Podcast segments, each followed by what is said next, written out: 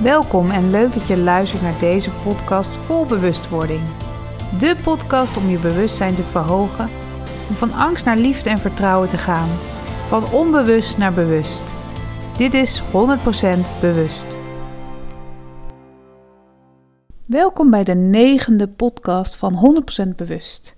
Vandaag ga ik het hebben over het ego. Want wat als je ego nou je eigen geluk in de weg zit? Wat doe je dan? Want je ego maakt soms meer kapot dan je lief is. Maar soms hebben we het ego ook nodig. Maar wat is het ego eigenlijk? Ego betekent ik. En je ego is eigenlijk het beeld dat je van jezelf hebt gecreëerd. Het is je onechte, valse zelfbeeld. En dat ontstaat doordat jij je onbewust met je gedachten identificeert. En je gedachten zijn telkens anders. En het is dus niet wie je in de werkelijke kern bent. Je ego leeft namelijk in je hoofd. En je houdt hiermee een beeld in stand van jezelf die positief of dan weer negatief kan zijn.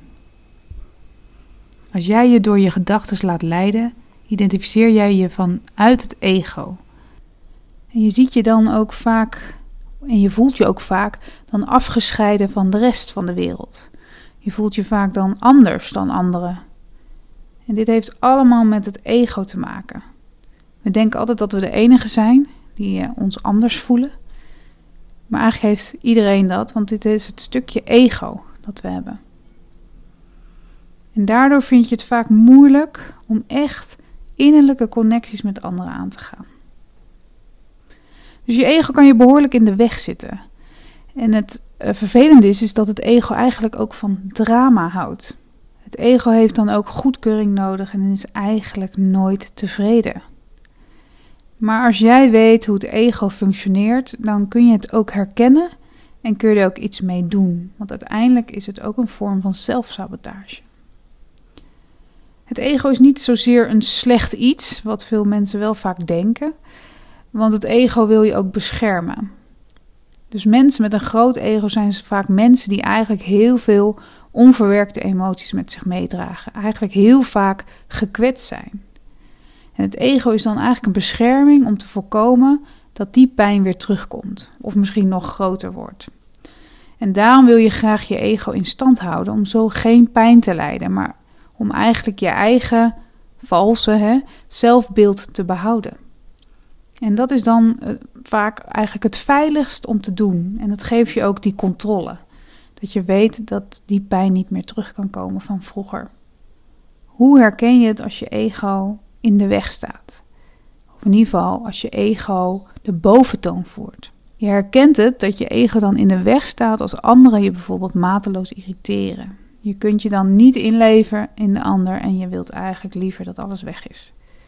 Je kunt deze irritatie moeilijk loslaten en je kan eigenlijk ook geen empathie opbrengen voor de situatie. Dan staat je ego echt in de weg. Ook vind je het echt moeilijk om in het nu te leven. Want het ego komt voort uit je gedachten en deze gedachten gaan vaak over het verleden en de toekomst. Want in het nu zijn er eigenlijk geen gedachten behalve wat er nu in het nu is, maar niet het verleden of de toekomst. En dat is voor het ego best wel onveilig, omdat deze zich altijd identificeert met het verleden en de hoop en houvast heeft aan een ideaalbeeld voor de toekomst. Dus het geeft dan een gevoel van veiligheid, hoewel het eigenlijk een illusie is. Het ego wil, ja, wil eigenlijk ontsnappen van het nu, want daar is geen controle. Het ego zoekt ook eigenlijk in bijna alles vervulling. Maar in het hier en nu geniet je juist van het moment zoals het is. je hoeft je niet te richten op de toekomst die jou gelukkig gaat maken. En dat heeft ook geen zin, omdat als je ooit in de toekomst komt, ja, ben je eigenlijk alweer in je gedachten met de toekomst bezig. Dus het is eigenlijk een cirkel, een ware illusie is het eigenlijk. dat je denkt, ja, in de toekomst, als het dan zo is, is het goed. Maar als je daar dan weer bent, ja, ben je alweer met de toekomst bezig. En natuurlijk zijn je zorgen en angsten er nog wel in het nu, maar je reageert er niet op en je oordeelt er niet over. En je accepteert dingen meer zoals ze zijn. Maar daar heeft de, het ego dus heel veel moeite mee. Ook heb je moeite met verbinding. En wat ik net al zei, je voelt je namelijk vaak buiten de groep staan, want je voelt je anders. En de kans dat iemand dan jou begrijpt is heel klein. Dat, dat is dan je gevoel. En doordat je denkt dat niemand je begrijpt, daardoor is het maken van verbinding gewoon lastiger. En als je ego zeg maar aan het stuur zit, voel je ook vaak onder druk staan. En dit komt omdat je continu bezig bent om je eigen valse zelfbeeld in stand te houden. In het dagelijks leven zijn er momenten van verandering of bedreiging, waardoor dat beeld af zou kunnen brokkelen. En waardoor je je misschien een beetje aangevallen zou kunnen voelen. Hierdoor voel je je eigenlijk heel kwetsbaar en onzeker. Het maakt je klein. En daardoor voelt het ego zich eigenlijk bedreigd. En, en ook wel angstig en wil zichzelf eigenlijk beschermen. En dit uit zich onder andere in weerstand. Controle willen hebben en houden, maar ook macht willen hebben. En dit zorgt eigenlijk ook voor dat je vaak veel sneller moe voelt. Omdat je eigenlijk continu alles in stand probeert te houden. En doordat je moe bent en je niet begrepen voelt, heb je vaak eigenlijk minder voor anderen over. Je hebt niet zoveel zin om daar energie in te steken, omdat het je niks oplevert en je eigenlijk ook geen energie van krijgt. En je hebt energie nodig om eigenlijk dat valse zelfbeeld hoog te houden. Als je ego aan het stuur zit, dan ervaar je vaak een gevoel van een tekortkoming en incompleet zijn. En dit komt omdat je je staande moet houden in deze wereld vol verandering en andere ego's. Het ego wil zich juist voeden met dingen waar hij of zij zich kan mee identificeren. Dit kunnen spullen zijn, maar ook andere mensen of een bepaalde levensstijl. En ik zei het al eerder, het ego houdt van drama. Want aan problemen kun je je identificeren en het creëert een verhaal, namelijk jouw verhaal. En je kunt je gedachten er de loop mee laten. En veel mensen zijn verslaafd aan hun eigen drama, omdat het hun gecreëerde identiteit is die ze niet willen loslaten. En dat is te beangstigend, want ja, dan zal het valse zelfbeeld eigenlijk niet meer bestaan. Dus dan heb je niks meer waar je op kunt bouwen. En als ik dan persoonlijk kijk naar mijn eigen ego, ja, dan is mijn ego vaak um, toch conflicten vermijden. Um, zorg dat iedereen het naar zijn zin heeft. En denk je, is dat ego? Ja, dat is ook ego, want ik wil graag aardig gevonden worden. ik, ik, zorg voor iedereen omdat ik uh, aardig gevonden wil worden. Dat heeft te maken ook met je ego. Dat noemen ze eigenlijk klein ego. Het grote ego die, die gaat competitie aan en die gaat conflicten aan en die laat zijn stem horen. Maar je hebt ook het kleine ego. En die, ja, die is wat meer slachtoffer, die gaat zielig doen omdat hij dan de zorg en de betrokkenheid van anderen wil hebben. dus anderen reageren dan vanuit een soort plichtbesef en gaan voor jou zorgen. Dat, heet, ja, dat is ook een stukje ego. Maar dat wil niet zeggen dat ego uh, fout is. We hebben het allemaal en we hebben het ook allemaal nodig om onszelf te beschermen. En soms hebben we verlangens en behoeftes. Maar als het echt in de weg gaat staan, is het wel heel goed om naar te kijken. Want zelf hè, dan zorgde ik maar voor iedereen. En ja, mijn eigen energie ging er eigenlijk aan op. En ik kreeg wel mensen die me heel erg aardig vonden. Waardoor ik eigenlijk weer groeide in mijn ego. Maar uiteindelijk won ik er niks mee. Want ook al vonden ze me aardig, ik was helemaal leeg van het geven. En ja, dat heb ik toch wel meer veranderd door bij mezelf te kijken dat ik het niet van anderen nodig heb en dat ik gewoon goed genoeg ben. En dat ik voor mezelf zorg en dan pas voor de ander als ik daar energie in heb. En niet meer om aardig gevonden worden, maar omdat ik het echt wil. En dan kom je eigenlijk uit die ego. En dat is heel erg wat ik herken bij mezelf. Misschien herken je je al een beetje in dit verhaal. Dat het ego ook aan jouw stuur zit. En het is niet erg als jij je hierin herkent, want Heel veel mensen herkennen zich hierin. Het geeft in ieder geval aan dat er nog meer geheeld mag worden in jezelf. Er is namelijk iets in jou dat pijn heeft gehad. Er heel veel angsten zijn opgebouwd in jouw lichaam. En het ego heeft dat eigenlijk heel goed opgelost. Maar ja, wel verkapt. En dat werkt soms of nu tegen je. En als het tegen je gaat werken, dan is het tijd om deze angsten los te gaan laten. En jezelf gewoon meer lief te hebben Zodat jij ook in verbinding met anderen kunt zijn en meer open staat om te geven, maar ook om te ontvangen. En naast het ego heb je eigenlijk volgens Freud ook het superego.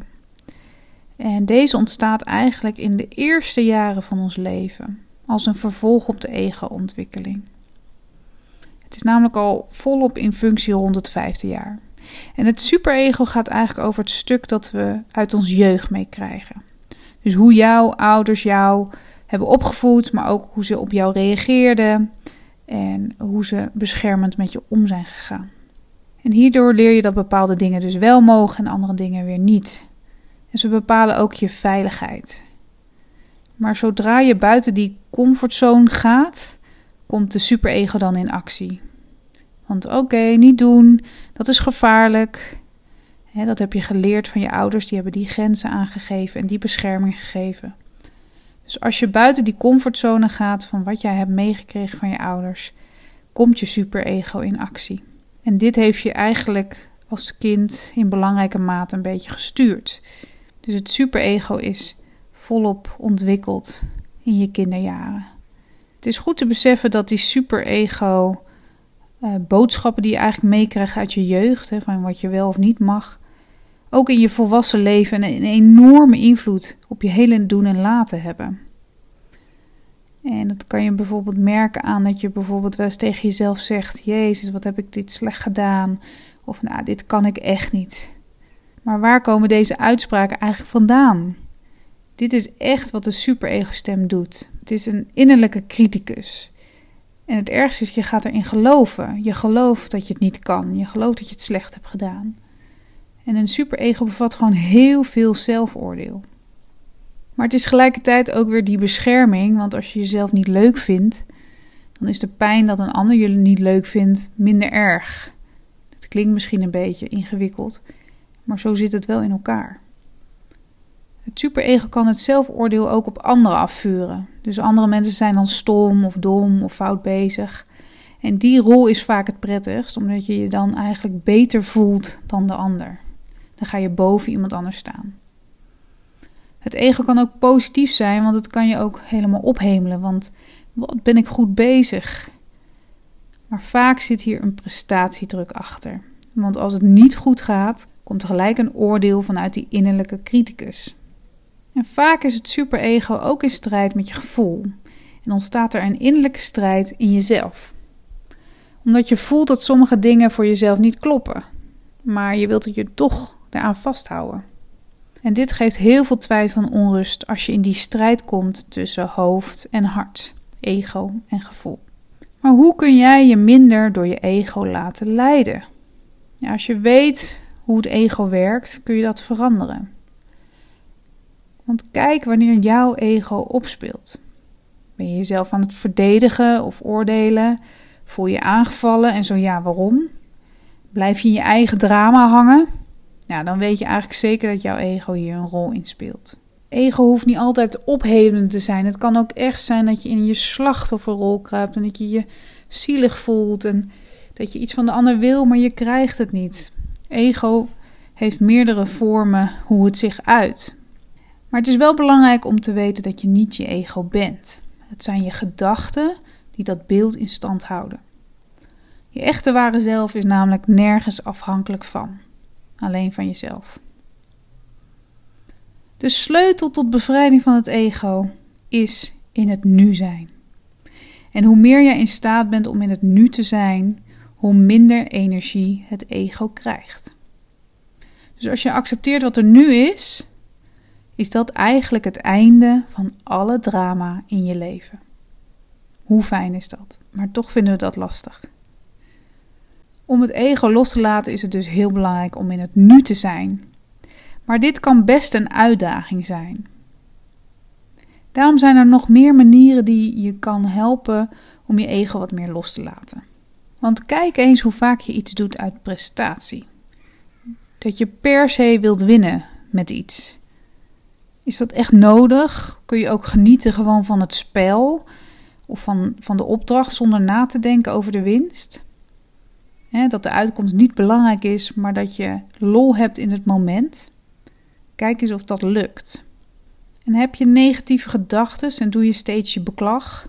Kijk dan of jij je gedachten positiever kan maken op het moment dat je het beseft. Dat je er anders naar gaat leren kijken, naar wat er mogelijk is, in plaats van wat er allemaal fout gaat. Dus denk in mogelijkheden. En ook al voel je je anders, je bent helaas niet superieur. We komen namelijk allemaal van dezelfde bron, om het maar zo te zeggen. En we hebben allemaal een reis af te leggen ja, op aarde, hoe je het ook ziet. En we hebben allemaal een bepaald doel. Maar het ego gooit nog wel eens roet in het eten, want die kan eigenlijk zichzelf wel eens een beetje overhemelen. Ophemelen, overhemelen. Kijk wanneer je dit doet. En kijk ook of je dan de ander kleiner probeert te maken om jezelf weer beter te voelen. Want in het nu is namelijk alles gelijk. En het ego wil altijd meer. Geld, macht, controle, dat is echt voedend voor het ego. Maar het is vaak nooit genoeg. Want wanneer je dit loslaat, zul je eigenlijk zien dat er juist wel altijd genoeg is. Je zult je niet meer zorgen maken over wat je niet hebt of wat je nog moet bereiken, maar je bent juist blij en dankbaar wat je op dit moment in het nu hebt. Dus kijk wanneer het voor jou genoeg is. Denk er eens over na. En het ego wil ook vaak gelijk hebben en gelijk krijgen. Dus besef als je dat doet, dat je ego dan bezig is. Maar kijk ook of het echt waar is. Heb jij ook echt gelijk? Stel jezelf die vraag of dat ook klopt. Of zijn er toch misschien meerdere antwoorden mogelijk? Want wat is belangrijker voor jezelf? Geluk of gelijk? Je gelijk halen. Als jij je ego wilt verkleinen, dan bereik je dat niet van de een op de andere dag. Het heeft echt training nodig. Sommige dagen lukt het wel en sommige dagen niet. Maar het begint allemaal met bewustwording. Op het moment dat jij beseft dat je ego aan het stuur zit, in plaats van jijzelf, jouw kern, jouw ware zelf, ja, dan heb je eigenlijk al je ego overwonnen. Dus herken hem steeds en besef dat je niet je ego bent. En door het te beseffen kan je het veranderen. Je bent namelijk ook niet je verleden waar je ego zich mee identificeert. Je bent ook niet die emoties die daar nog aanwezig zijn.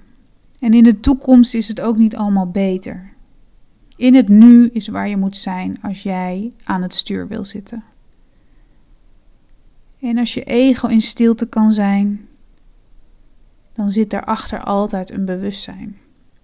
En dat, dat is je echte kern.